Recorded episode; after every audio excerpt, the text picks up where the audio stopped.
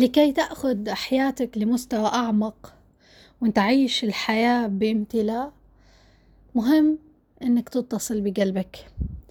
أن تتصل بقلبك يعني أن تكون منسجم داخليا وخارجيا. الاتصال بالقلب قوة يعطيك قدرة إنك تميز المناسب والغير مناسب ليك من العلاقات من الأشياء. يحميك من حالة الضياع والتردد والتشتت بعض المشاعر اللي ممكن تأثر عليك.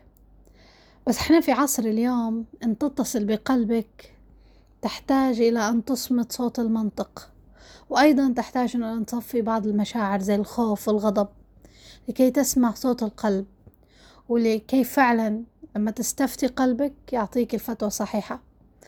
فمهم أن تشتغل على هذا الجانب مهم أن تكون متناغم مع قلبك. فالتناغم مع القلب هو تشافي للجسد وللروح.